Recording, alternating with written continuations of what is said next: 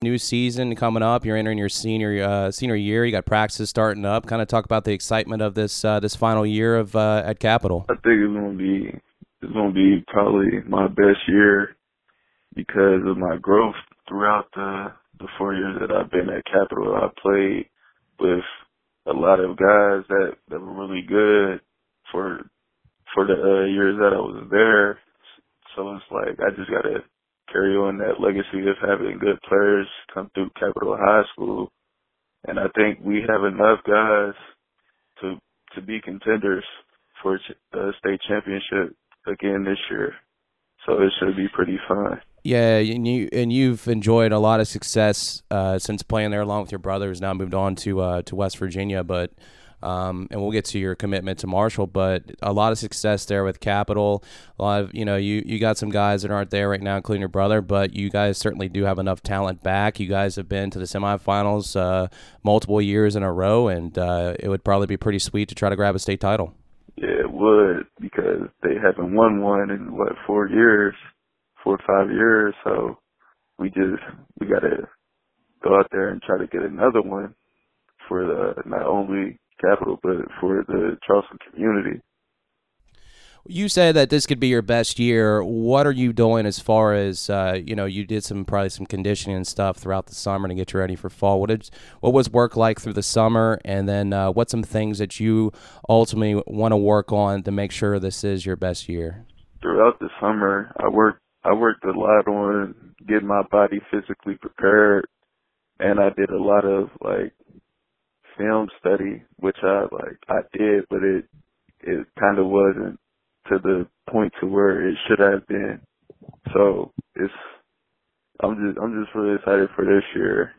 You know, we uh had workouts with the team, so so working out with the team did justice for us this year because you know we wasn't we wasn't really able to get a lot of guys to show up sometimes. We were able to get guys to show up this year. So that's that's really good for the team bonding.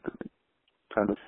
Talk about playing for Coach Carp. I mean, he's a guy that's a character. Um, we've had him on the show several times. Uh, talk about what Coach Carp has done throughout your uh, your high school career there, and, and what he means to you as a coach. He he's man. I, I could say a lot about that guy. You know, like he just he's really a family oriented kind of guy, and he really cares for people. So like playing for him, it it's no problem. Like that that's somebody that you want to play for.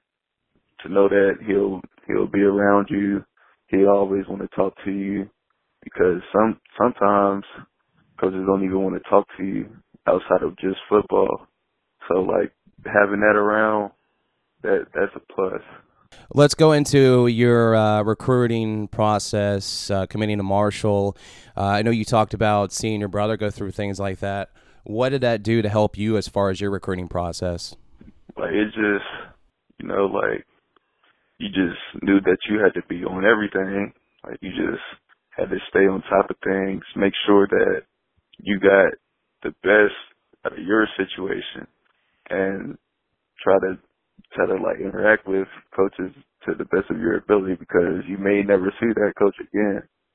So, uh, you talked about uh, liking the environment down in Huntington. You uh, you went down there for spring practice. Kind of talk about that environment and what you liked about it at spring practice. Everybody was talking like the defense, offense.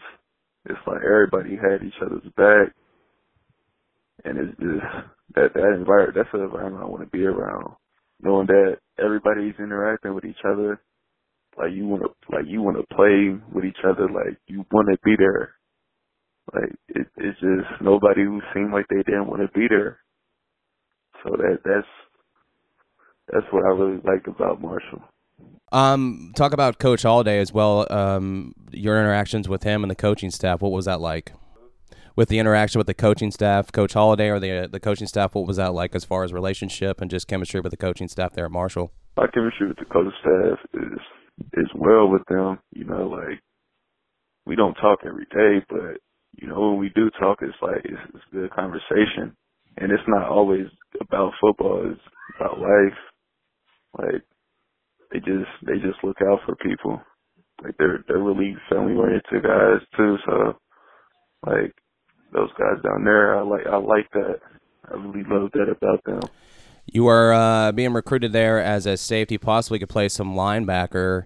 Uh, does it matter to you as far as where you want to play, or is there any type of uh, obviously coach is going to put you where they feel like they need to put you, but um, you know you obviously have to get bigger for the linebacker position. But what uh, what position are you looking forward to to play there at Marshall? I'll be like a outside linebacker slash nickel kind of guy.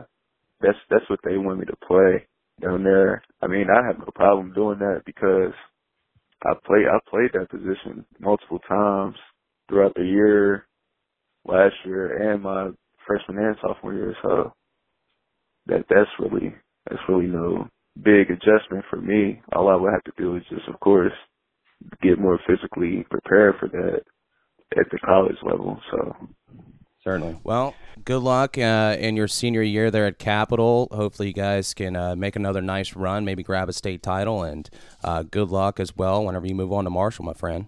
All right. Thank you. Appreciate you.